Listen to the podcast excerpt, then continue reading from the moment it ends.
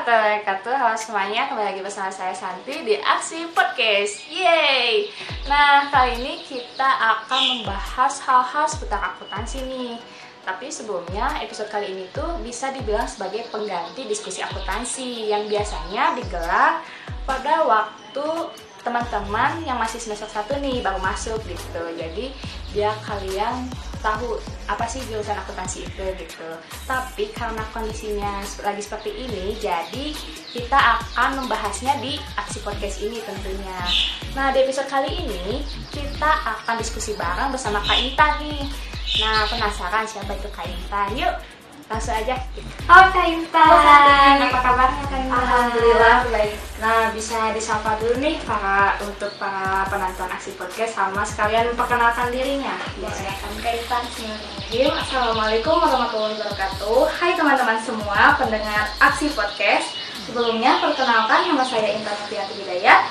Saya alumni dari Prodi S1 Akuntansi Fakultas Ekonomi Universitas Garut, angkatan tahun 2015, lulusan tahun 2019.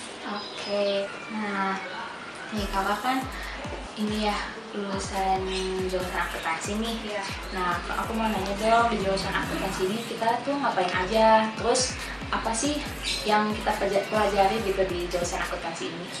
Ya, jadi teh kalau misalnya kita di jurusan akuntansi pada intinya kita tuh bakal dituntut untuk membuat laporan keuangan. Nah, di jurusan akuntansi ini banyak banget ya cabang ilmunya. Mungkin nanti pas awal semester kita tuh bakal mempelajari mengenai dasar-dasar akuntansi, pengatarnya. Terus nanti kita juga bakal masuk ke ada akuntansi biaya, budgeting, terus nanti lanjut ke akuntansi keuangan menengah, intermediate, terus ada advance-nya juga, keuangan lanjutan. Selain itu kita juga nanti bakal banyak belajar tentang pajak, pengantar bisnis, ada hukum bisnisnya. Terus audit juga nanti kita belajar di akuntansi. Selain kita belajar di kelas, di jurusan akuntansi juga nanti ada labnya loh teh. Terus kalau misalnya selain eh, mata kuliah yang tadi, kita juga nanti bakal belajar tentang ekonominya, ada pengantar makro, pengantar mikro. Jadi kita tuh emang terbuka gimana sih kondisi ekonomi secara nasional maupun global. Ya kurang lebihnya seperti itu teh. Berarti banyak ya yang dipelajari di akuntansi gitu kan. Selain akuntansinya juga nanti kita bakal belajar tentang pendidikan keluarga negaranya juga, gimana sih moralitas dan eh, attitude kita sebagai mahasiswa di bidang agamanya juga kita belajar banyak banget di jurusan akuntansi itu. Oh iya, pasti banyak sekali ya yang dipelajari di akuntansi ini. banyak. Mm, Nah, kalau Kaintan sendiri, kenapa sih bisa milih gitu masuk ke jurusan akuntansi ini? Jadi eh, kenapa saya pilih jurusan akuntansi itu pertamanya ketika saya masih duduk di bangku SMA. Kan di bangku SMA itu nanti ada penjurusan ya IPA IPS. Nah semenjak saya masuk ke satu SMA, gak tahu kenapa saya tuh suka banget kalau misalnya lagi belajar tentang ekonomi apalagi akuntansi.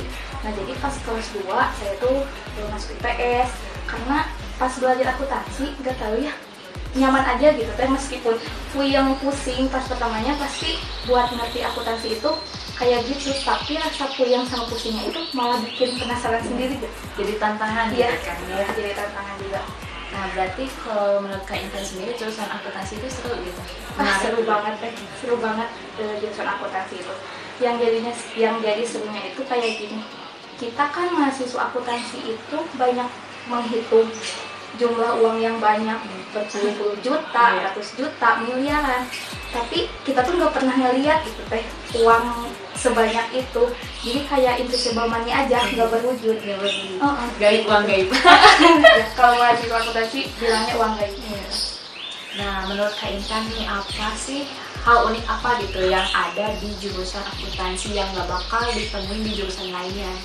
Mungkin hal unik yang dimiliki oleh mahasiswa akuntansi itu kebanyakan mahasiswa akuntansi menganggap bahwa salah satu barang wajib yang harus dimiliki oleh anak akuntansi itu kalkulator. Itu barang wajib banget ya, banget. Kita tuh harus punya kalkulator. Terus yang kedua, dengan seiringnya berjalan kita kuliah, kita tuh jadi punya sifat dan juga kepribadian sendiri gitu. Kayak misalnya anak akuntansi itu pastinya bakal jadi seseorang yang pantang menyerah. Lihat aja kalau misalkan mereka lagi ngerjain soal-soal akuntansi, nggak bakalan beranjak dari mejanya kalau misalkan hasil dari laporan keuangan itu belum balance. Balance, iya. Hmm, terus anak akuntansi itu bisa dibilang anak yang belum perhitungan kali ya Teh? iya iya itu sih yang jadi hal uniknya kalau menurut saya Iya sih aku juga ngerasa ya kalau misalkan nggak ada kalkulator terus hasil laporan keuangannya belum beres itu pasti panik gitu iya panik kalau ini nggak beres wah ini gimana ini gimana nggak beres Jadi beres sendiri. salah yang mana salah yang mana gue pusing gitu kalau kan. misalkan salah ya harus dari lihat lagi di awal Iya. perhitungannya harus dihitung lagi aduh ribet banget ya pokoknya nah terus di kakak nih pas awal masuk jurusan akuntansi punya ekspektasi nggak gitu? Di jurusan akuntansi itu seperti apa? Terus tapi ternyata realitanya, gimana gitu? Kalau misalnya saya pertama masuk jurusan akuntansi itu ekspektasinya kuliahnya bakalan santai-santai bisa main kapan aja. Tapi pas udah masuk ya nggak bisa gitu nggak bisa santai dengan santai-santai aja gitu teh kuliahnya emang sih kuliah itu fleksibel jadwalnya cuman nilai sama bobot dari mata kuliah itu sendiri berat banget. Terus yang kedua saya juga eh, dulu kirain saya kalau akuntansi itu cabang ilmunya ya udah seputar akuntansi aja gitu tapi pas udah masuk banyak banget banyak ya sama ya aku juga kirain ngira jurusan akuntansi itu cuman ah bi cuman bikin laporan Iya, keuangan aja laporan dari transaksi sampai lap, apa sih jurnal penutup gitu. Udah gitu aja. Eh pas ternyata masuk Banyak ya banget. ampun ada audit ada pajak. Wah banyak banget. Pusing sumpah sumpah kirain aku juga seperti ah cuman gitu doang bikin laporan gitu kan. Eh ternyata pas masuk ya gitu banyak banget Di luar cabangnya, di luar ekspektasi. banget gitu kan penuh kejutan Mm, Terus juga nih, aku kan ada, emang sih ada banyak anggapan nih bahwa jurusan akuntansi itu jadi cocoknya tuh untuk orang yang suka ngitung gitu, yang nggak suka teori. Jadi ba- kebanyakan yang masuk jurusan akuntansi itu yang suka ngitung. Nah ini kalau menurut Kak Intan nih, gimana pendapat tentang anggapan itu? Kalau menurut saya, anak akuntansi itu suka menghitung, ya benar banget teh. Karena kan akuntansi nggak terlepas dari hitung menghitung. Kalau misalnya anak akuntansi nggak suka menghafal, salah banget sih. Iya. Soalnya dalam memper, dasar dalam mempelajari akuntansi itu emang sih logika. Tapi kan logika juga teh harus diimbangi dengan kita tuh mengetahui akun-akun apa aja sih yang harus digunakan dalam membuat catatan dan juga laporan keuangan. Apalagi kan di akuntansi itu banyak banget ya nama-nama akunnya, istilah-istilah ekonominya banyak banget. Kalau misalkan kita cuma paham aja tapi kita nggak hafal dan juga nggak inget ya nantinya juga kita nggak bakalan tahu akun apa sih yang akan berpengaruh di sisi debit, kredit ya kayak gitu kalau misalkan nggak ngerti ya selamanya kita nggak bakalan bisa buat laporan keuangan Jadi, jadi kita harus da- tahu benar ya Mhm. dasar-dasarnya terus harus kita pahami hafalin Mhm. juga gitu ya. Terus apalagi karena akun-akun ininya kan pakai bahasa Inggris gitu kan ya akun Iya. sudah banyak gitu. Jadi harus benar-benar paham ya gitu tentang dasar-dasar akuntansi. Ya, jadi akuntansi juga perlu menghafal Jadi nggak asal hitungan aja Iya. ya. Jadi Hafalan harus juga teorinya harus hafal. gitu. apalagi audit kan teh Iya. banyak hafalan juga Uh, hafal banget gitu lah ini. Oke deh, nah ini menurut kakak sendiri nih tentang ini seseorang mahasiswa yang mengira salah jurusan. Nah, menurut kakak gimana tuh? kalau misalnya buat mahasiswa yang sering bilang saya salah jurusan harusnya saya ini nggak di sini ya saran saya sih buang aja pikiran yang kayak gitu. Soalnya ya tenang aja dulu. Ini kan masih semester awal. Nanti juga kan di semester semester selanjutnya kita bakalan belajar banyak eh, tentang akuntansi itu cabang-cabang ilmunya apa aja. Terus nggak ada kemungkinan juga kan teh?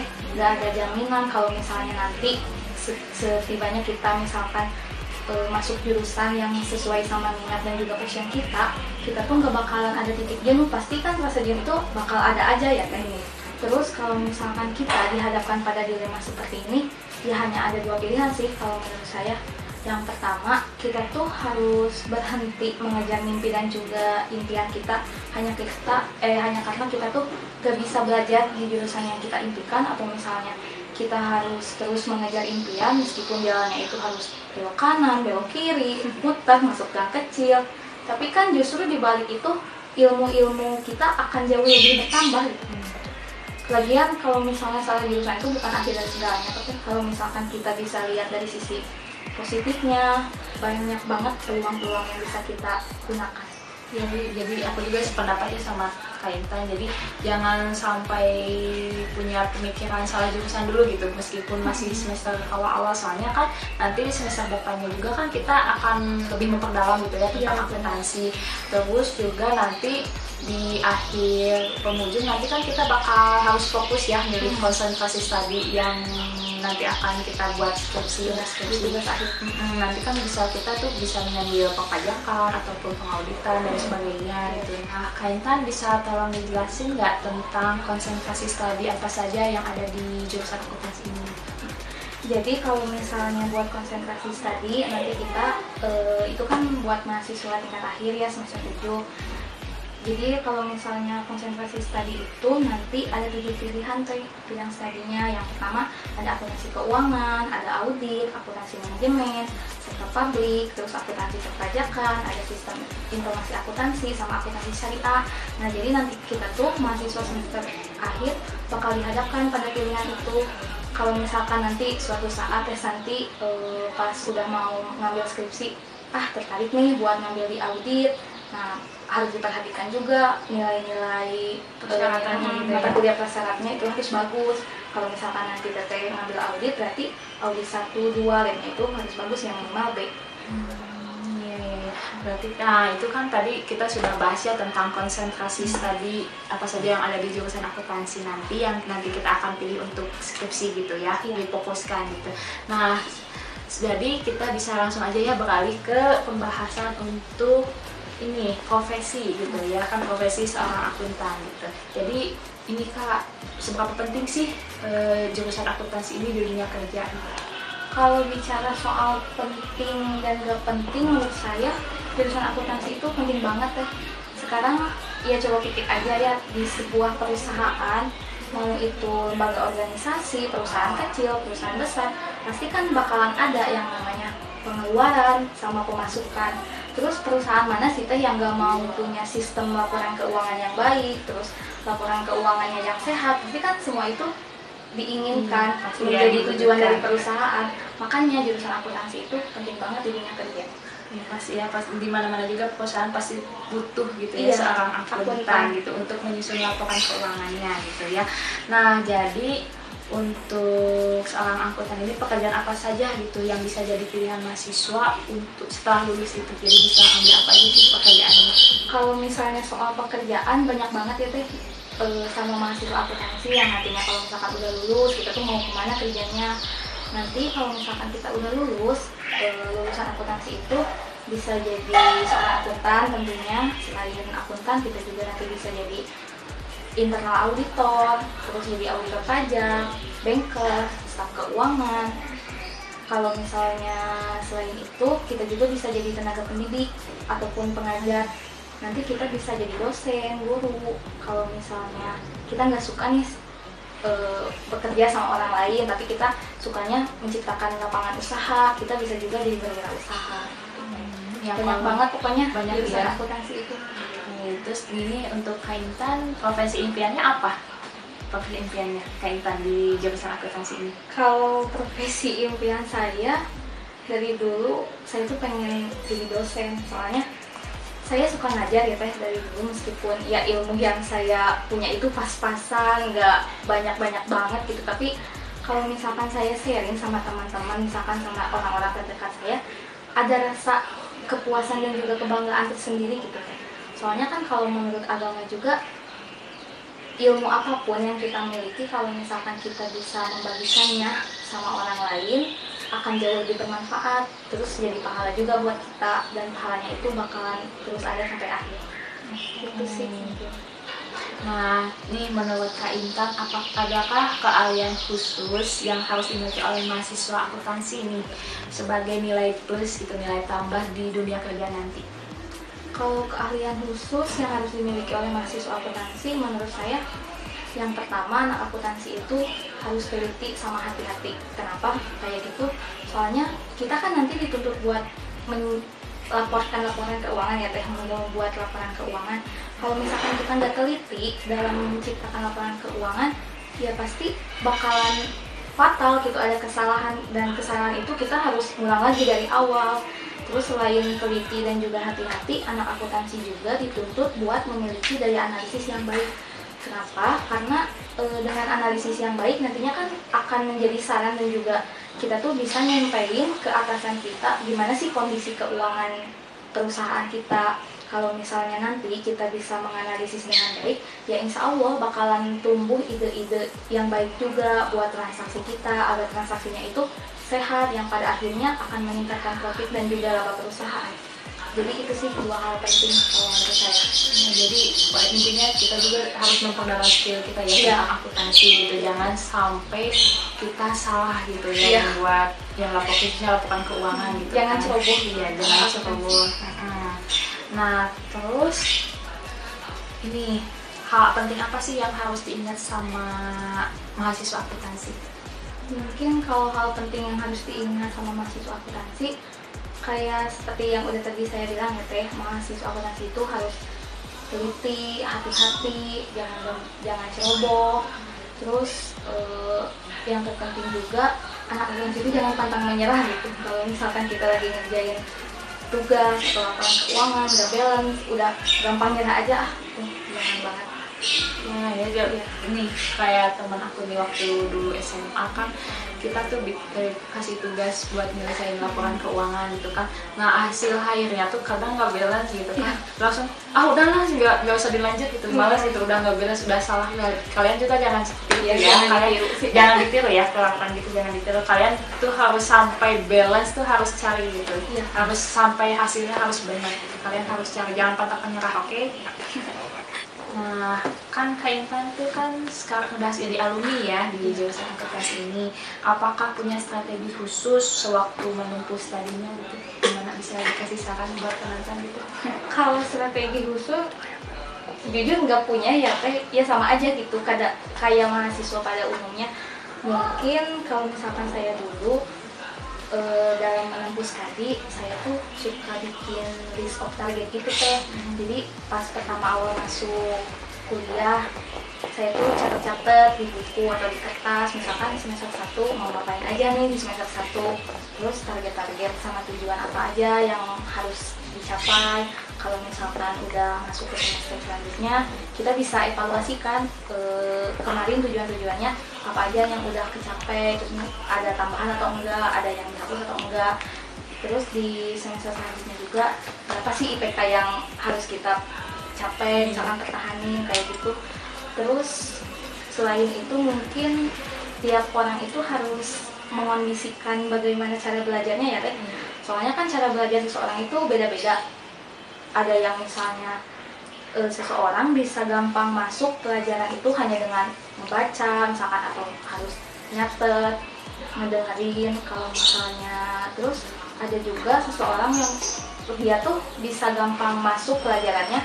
Kalau misalkan belajarnya itu sambil dengerin musik ada yang sambil eh, tidur atau gimana gitu. Terus ada juga yang seseorang itu bisa banget belajarnya masuk konsen ketika suasana itu sepi kayak gitu kalau misalkan saya dulu termasuk orang yang kalau misalkan belajar ya harus sepi gitu teh suasananya dan menurut saya waktu yang tepat sama enak gitu buat belajar adalah jam 1 sampai jam 3 malam sih.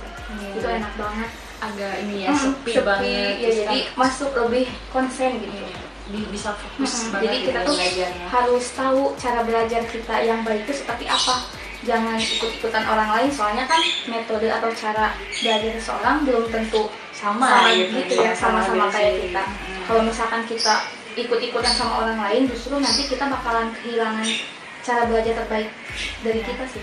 jadi kalau kalau niru orang tuh kadang suka gimana ya, oh ini nggak bisa nih aku beda Hmm, gitu kan jadi beda. suka ada iya beda bedanya juga gitu nah ini kakak kan sebagai fresh gitu lebih penting mana skill apa itu Kalau soal skill sama IPK, menurut saya dua-duanya penting ya kan.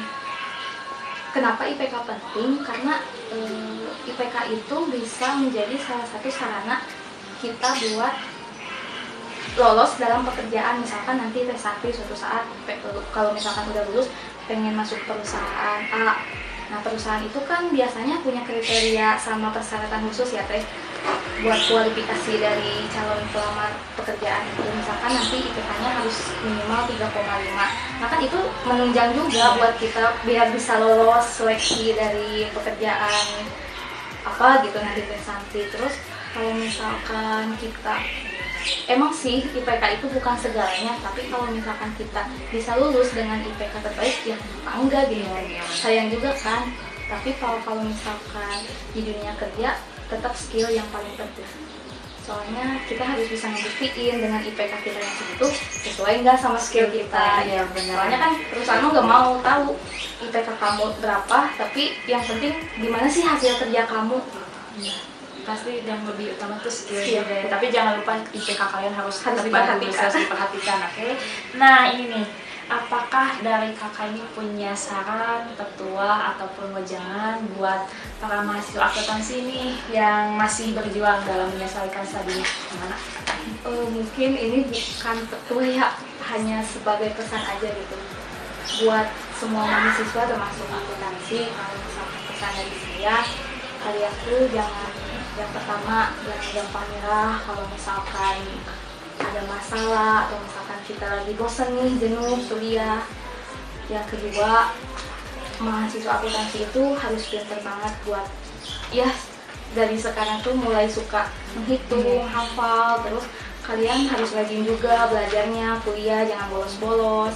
Ya sayang lah teh orang tua kan udah susah-susah Iya, cari iya. uang buat bisa kita tuh ngerasain gimana sih kuliah, dapat pendidikan yang tinggi. Sekarang kalau misalkan kita bolos kuliah kan di 3 SKS satu SKS misalkan sekarang 400 ribu dikali 3 1 juta 200 wah sayang banget kan teh Sayang satu banget, juta ya. 200 hilang begitu aja terus kalau misalkan kita juga sebagai mahasiswa yang lagi melanjutkan studi itu having fun boleh cuman asal jangan keseringan aja gitu teh jangan sampai Oh, waktu gitu iya. ya kita tuh emang kalau misalkan kuliah lagi jenuh, lagi bosen, ya main sama teman-teman nggak apa-apa, cuman jam main sama jam belajarnya itu jangan dibagi, jangan dibanyakin jam mainnya.